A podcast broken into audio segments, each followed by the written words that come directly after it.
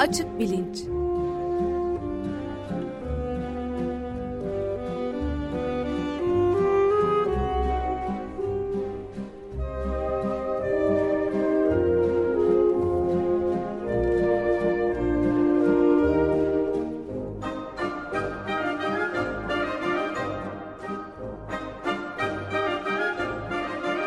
Güven Güzeldere ile bilim ve felsefe sohbetleri.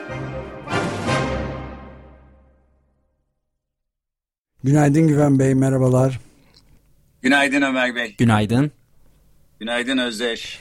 Açık Bilinç'te bugün bir konuğumuz var.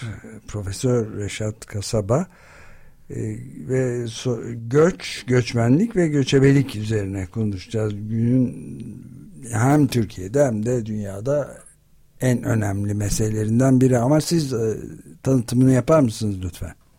Evet tabii memnuniyetle. Şimdi göç çok önemli bir konu haline geldi. Ee, ama öteden beri de aslında önemli bir konuydu bir yandan da. Belki bugünkü kadar gündemde değildi ama e, dolayısıyla e, tabii göç deyince işin içine göçebelik de giriyor, göçmenlik de giriyor, sığınmacılardan da bahsetmek lazım. E, bu konuda e, küçük bir seri yapmaya karar verdik. Bu da serinin ilk giriş başlangıç programı. E, bu seriyi hem de vakainame ile de eş zamanlı olarak yapmak istiyoruz. Dolayısıyla bu cumadan itibaren vakainamede de göç ve göçmenlik üzerine konuşacağız. E, oradaki programların bir kısmı biraz da e, sizin Ömer Bey, sizin deyişinizle e, hayatı hakikiye hikayeleri gibi de olacak. Çünkü göç deyince hep için işine bir takım e, hayat hikayeleri de giriyor.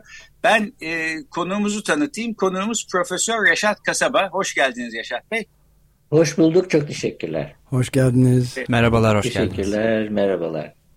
Şimdi Reşat Kasaba'yı ismen duymuş ya da şahsen tanıyan ya da kitaplarını okumuş olanlarınız aranızda olabilir.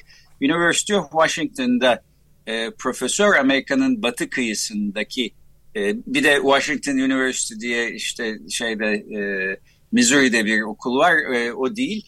E, Reşat Kasaba e, Orta Doğu Teknik Üniversitesi'nde ekonomi alanında e, lisans eğitiminden sonra e, New York Eyalet Üniversitesi Binghamton'da e, sosyoloji dalında yüksek lisans ve doktorasını tamamlıyor. University of Washington'da e, hoca olarak çalışıyor. Kendisi Orta Doğu e, tarihi ve siyaseti e, konusunda uzman. Göçte özellikle üstünde çalıştığı alanlardan bir tanesi. Bugün e, hakkında konuşmak istediğimiz kitabı 2009 yılında yayınlanmıştı. İngilizce başlığı A Movable Empire, Ottoman Nomads, Migrants and Refugees. E, Türkçe'ye de 2012 senesinde kazandırılmış bir konar göçer imparatorluk diye çevrilmiş. Osmanlı'da göçebeler, göçmenler ve sığınmacılar başlığıyla. E, genel olarak bu kitabı referans alarak e, göçmenler, göçebeler ve e, sığınmacılar üstüne konuşmak istiyoruz. E, şimdi e, Reşat Bey siz bu kitabın e, girişinde bir yerde e, önemli bir gözlemde bulunuyorsunuz. Diyorsunuz ki e, Osmanlı İmparatorluğu göçle başladı ve göçle e, sona erdi. E, fakat bu iki göç birbirinden farklı tür göçlerdi. Birincisi e, işte daha e, kendiliğinden oluşan spontane bir e, göçtü ve e, Osmanlı İmparatorluğu'nun kuruluşunda da bir işlev üstlendi.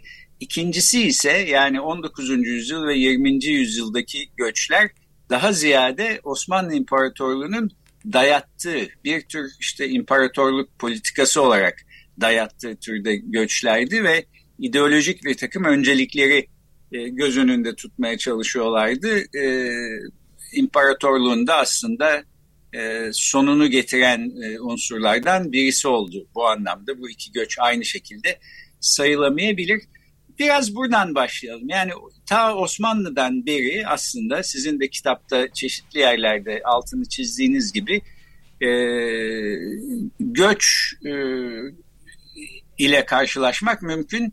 E, bu göçmenlik olarak da oluyor. Göçebe insanların e, işte bir yerden başka bir yere e, hareket etmesi, yer değiştirmesiyle de oluyor. Zaten kitabınızın başlığı da konar göçer bir imparatorluk.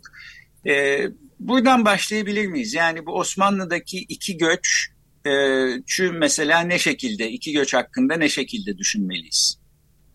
Tabii çok teşekkürler. Ee, şöyle diyeyim aslında belki e, üç bile diyebiliriz. Şöyle şöyle diyeyim. E, Başlarda, ilk başlarda ben bu konularla ilgilenmeye başladığımda e, genel olarak e, imparatorluk denince e, herkesin aklına e, işte bayağı güçlü, geniş toprakları yöneten, e, merkezden yöneten, etkin bir idare biçimi e, geliyordu. Ee, ben e, çalışmalarımda devamlı olarak e, belirli bir yerde bulunmayan, devamlı işte bu göçebe olarak yaşayan, e, aşiret denen grupların imparatorluğun çeşitli dönemlerinde bolca göründüğünü, devlet işte bütün kayıtlarında, belgelerinde bunlara referanslar verildiğini gördüm.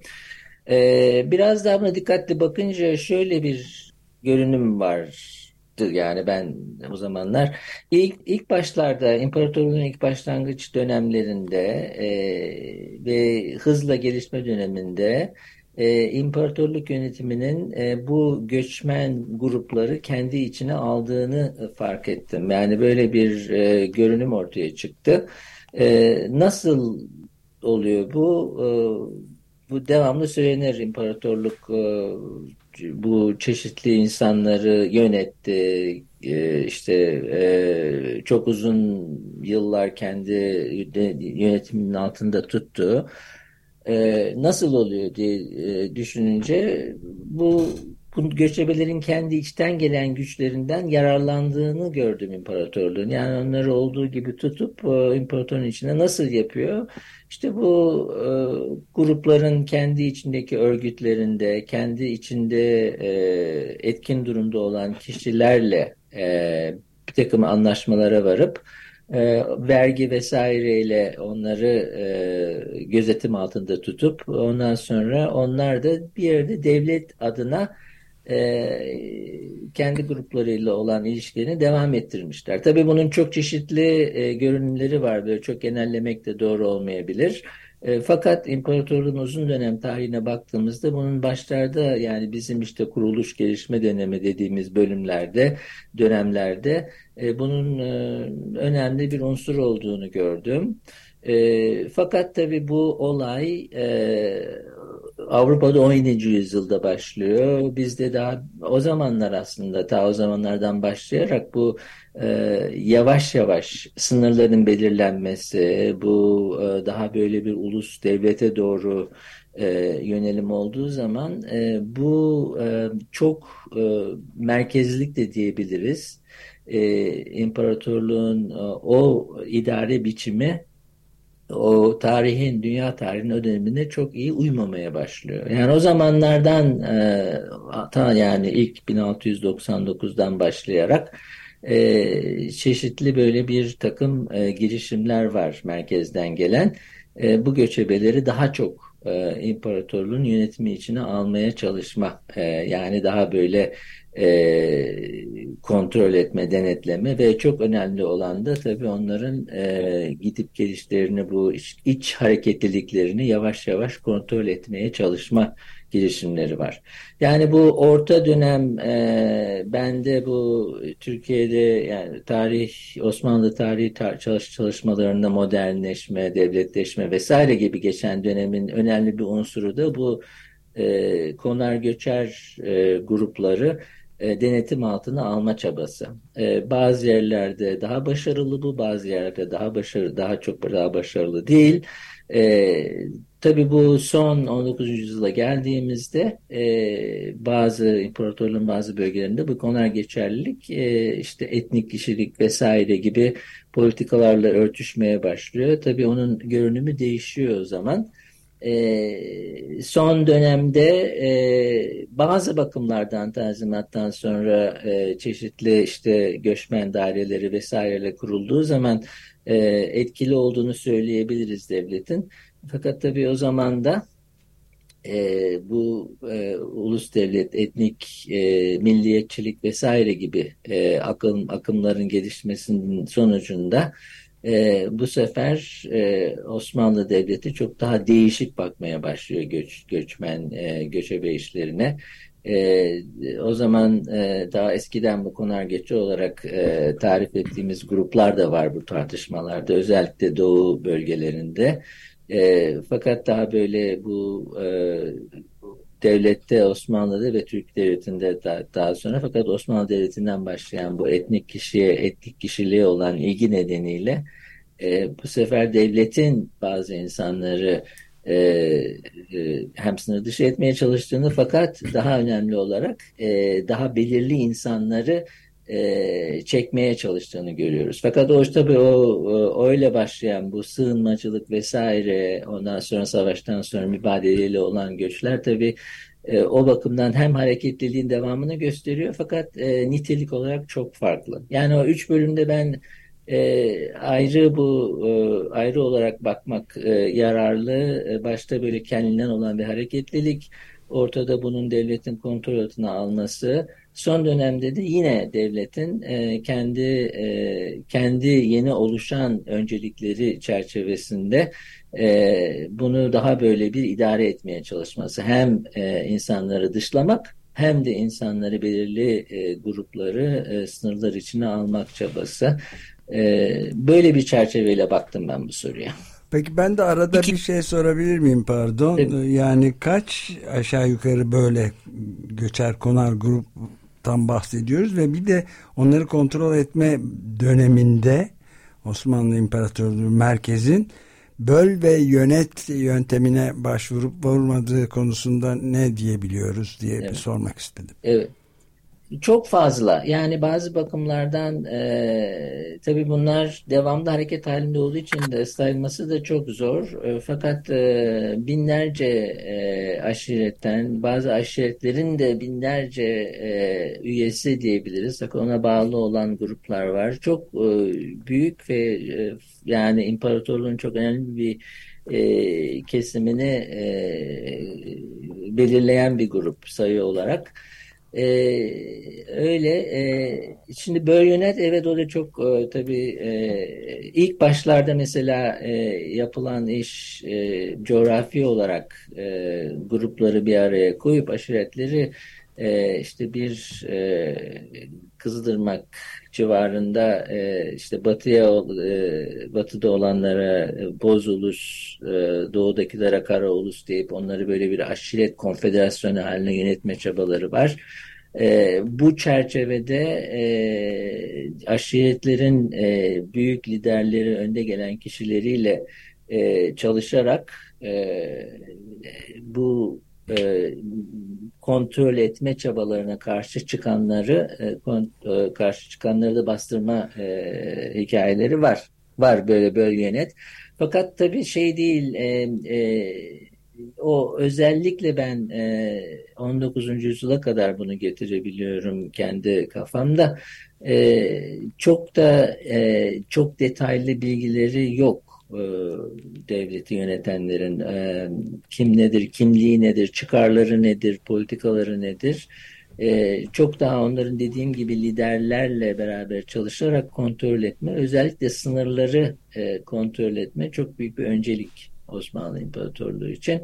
Ee, öyle bir vaziyet var ama örnekler tabii şeylerde daha çok bu isyanlar falan başladığında e, çok daha e, örneklerini görüyoruz. E, daha böyle e, cezalandırma, sürme, toplu olarak bir yerden alıp başka bir yere e, sürmeye çalışma vesaire. Çok Peki, hareketli. Ben... Tamam. Affedersiniz şunu soracaktım. Evet e, hem göçmenlerden hem göçebelerden bahsediyoruz. Evet. Bunlar akraba kavramlar. Göç evet. kelimesi var ikisinin de başında. Ama aynı e, şeyden bahsetmiyoruz herhalde. Evet. Farklı kavramlar. Bir de bunu mültecileri ya da sığınmacıları e, eklemek lazım. E, bu ayrımı nasıl yapalım? E, en başta temel bir soru olarak bunu sorayım. Evet, evet. E, göçebe e, e, yani Tabii cevap vermek istediğimiz soruya bağlı biraz bu. E, göçebe ben kendiliğinden hareketli grupların göçebe olarak e, tanımlıyorum. E, yani bir şekilde bu dediğim gibi e, devlet sorunu veya idari e, sorunları, e, öncelikleri ortaya çıkmadan önce e, bu bölgede e, hareket halinde olan gruplar. Bunun tabii e, coğrafi koşulların getirdiği bir durum bu. E, bunu daha sonra isterseniz biraz daha konuşabiliriz. Yani tabii olarak orada olan bir durum göçebeler. Ee, şimdi göçmenler e, kendi istekleriyle bir yerden bir yere giden insanlar olarak e, düşünülüyor. Tabii bu yani göçebeler de göçmen. E, fakat bir şekilde bu 18. yüzyıldan başlayarak yerleştirme e, e, politikaları ortaya çıkınca e, daha önce göçebe olarak geliştirilen insanlara e, göçmen deniyor. E, tabii biraz daha e, e, resmi bir e, tanımdan ziyade e, bu grupların bir yerde e, yerleştirildeki bölge, yerleştirildikleri bölgelerdeki insanların tarifi gibi. Yani dışarıdan gelenler e, göçmen. E, e, son sığınmacı tabii bu çok daha e, 19. yüzyıldan sonra e, ulus devlet, e, etnik kişilik, e, pasaport e, gibi belgeler gittikçe önem e, kazanınca bu resmi kanallar dışında e, e, bulundukları yerlerden başka bir yere giden insanlar, gitmek zorunda bırakılan insanlar e, o tabii sınırların belirlenmesiyle e, e, ortaya çıkan bir, bir, bir, bir terim sonuncusu. E, peki bir de şunu sorayım. Şimdi Hı. sizin e, ta 14. yüzyılda yaşamış olan Hı. bir meslektaşınız İbni Haldun aşiret evet. bir şeyler evet.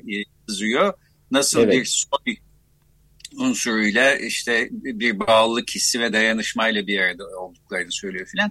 Daha sonra 19. yüzyıldan meslektaşınız Ziya Gökalp, e, evet. Türkiye'nin önemli sosyologlarından birisi.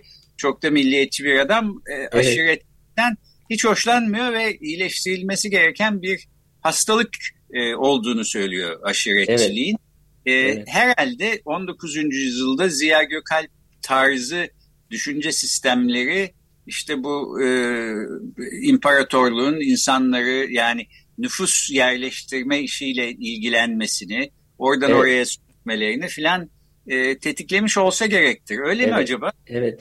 Evet, e, bu e, Ziya Gökalp'in Kürt aşiretiyle ilgili kendisini de Diyarbakırlı. Fakat Kürt aşiretiyle ilgili çalışmasını Atatürk'ün istediği bir çalışma, o, o dönem o, o çerçevede yapılan bir çalışma. Tabii ölüyor Ziya Gökalp tam Cumhuriyet'in e, oluşmasını görmeden e, böyle bir rapor olarak kalıyor. Fakat çok haklısınız yani o gerçekten böyle e, ne bileyim ilk zaten Ziya Gökalp Türkiye'de sosyolojiyi ilk getiren insan olarak falan de tanımlanır. E, fakat çok daha o e, modern bir açıdan bakıyor. Modern derken de ben çağ olarak işte daha çok e, insanların kimliğinin, ulus devletin vesaire önemli olduğu bir çerçeveden bakıyor ve o onun bir temel bazının da e, homojenlik olması gerektiğini iddia ediyor. Bu tabii geniş bir e, çok e, şey bir görüş e, Avrupa sosyolojisinde o zamanlar. Yani devletlerin başarılı olmaları için e, yönettikleri grupların e, olabildiğince homojen olması e, lazım. E, ve yani bu imparatorluktan gelen çok kimlilik, çok dinlilik vesaire e, buna e, bunu zayıflatan bir şey olarak görülmeye başlanıyor. E, İbn Haldun çok daha değişik. Aslında ben İbn Haldun'un daha böyle e, dünyada sosyolojik düşünmenin önünde gelen en baş en başlayan en başlarda gelen önde gelen isimlerinden biri bence. E, çok çok ilginç e, biri. Fakat onun sorusu biraz daha farklı. İmparatorluklar nasıl e, gelişir, nasıl oluşur ve nasıl yok olurlar, nasıl çözülürler? Tabii bu da yani ta Roma İmparatorluğu'ndan beri bu konuyu düşünen herkesin aklında nasıl oluyor da bir imparatorluk bütün ne bileyim Avrupa'yı vesaireyi kontrol ettikten sonra bir yere geliyor yavaş yavaş dağılmaya çözülmeye başlıyor devamlı kendini böyle yenileyen bir ritim gibi. Ta o zamandan onun söylediği bu işe biraz daha kültürel bakmak ve yani sanki tam Ziya Gökalp'in e, karşıtı gibi böyle çok kültürlü, çok zengin, dışarıdan gelen hareketli insanlar e, imparatorluğun e, merkezine gelince imparatorluğu güçlendiriyorlar. İşte kültür vesaire e, çeşitli şekillerde. E, fakat e, geldiklerinde merkeze yerleşiyorlar. Yerleştikleri zaman da e, o çok kültürlüklerini, çok renkli e, yaşam biçimlerini kaybediyorlar. Yavaş yavaş işte e, sefahat vesaire gibi şeyler e, onların da çözülmelerine yol açıyor. Ta ki dışarıdan yeni bir grup gelip işte yeni bir kan getirip yeni bir heyecan veya ne bileyim yeni yönetim biçimleri getirene kadar. Yani bu uzun dönemli imparatorluğun döngüleri gibi bir e, bir çerçeve. E, o bakımdan yani çok e, çok ilginç aslında e, bunu söylemeniz, yani ikisini karşılaştırmak çok ilginç. E, güzel bir çalışma konusu olabilir genç arkadaşlar için. Evet. Peki şimdi sizin kitabınız Osmanlı İmparatorluğu çerçevesinde e, göçebelik, göçmenlik ve sığınmacılık konusunu ele alıyor ama e, program bitmeden ben biraz çağdaş Türkiye'ye de konuyu evet. getirmek istiyorum. Çünkü e, hem Türkiye'den bu aralar yurt dışına ciddi bir göç var. Beyin göçü denilen türde evet. bir işte doktorlar gidiyorlar filan falan. E, bir yandan da işte bir süredir e, çeşitli ülkelerden özellikle e, Türkiye'nin doğusundaki komşularından Türkiye göç alır hale geldi.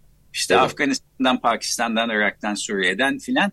Bunların e, sonuçlarını e, tam e, son halleriyle herhalde görmüyoruz henüz ama evet. işte belki 10 sene, 20 sene, 50 sene, 100 sene sonra daha iyi göreceğiz. Evet. Belki e, işte 2023'te değil de 2150 senesinde yazan bir sosyolog bunları daha iyi değerlendirebilir ama sizin durduğunuz yerden 2023 senesinde işte bir ulus devlet olarak bir cumhuriyetin e, ilan edilmesinde 100 seneyi e, iki gün önce itibariyle bırakmış olan e, Türkiye Cumhuriyeti açısından e, göçmenlik, göçebelik, sığınmacılık perspektifinden yaklaştığınızda durum nasıl gözüküyor? Evet, şöyle diyeyim, e, e, aslında bu Türkiye'ye özgü bir şey de değil. E, garip bir sorun var. E, sığınmacılar tartışıldığı zaman... E, e, iki boyutu var bunun ve genellikle bu boyutlardan bir tanesi e, ihmal edilmiş. E, bu Amerika'da da böyle olmuş 19. yüzyılda. Boyutlardan bir tanesi e, iktisadi nedenler. Yani e, göç, e, sığınmacı olarak e, başka bir yere giden insanlar e, bazen e, kendi bulundukları yerlerde işte savaş vesaire nedeniyle kaçmak zorunda kalıyorlar. Fakat çok daha tabii e, e, gidilen yerde veya bıraktıkları yerlerde ekonomik sorunlarla da bu işe e, bu dalgalara dahil olan insanlar var.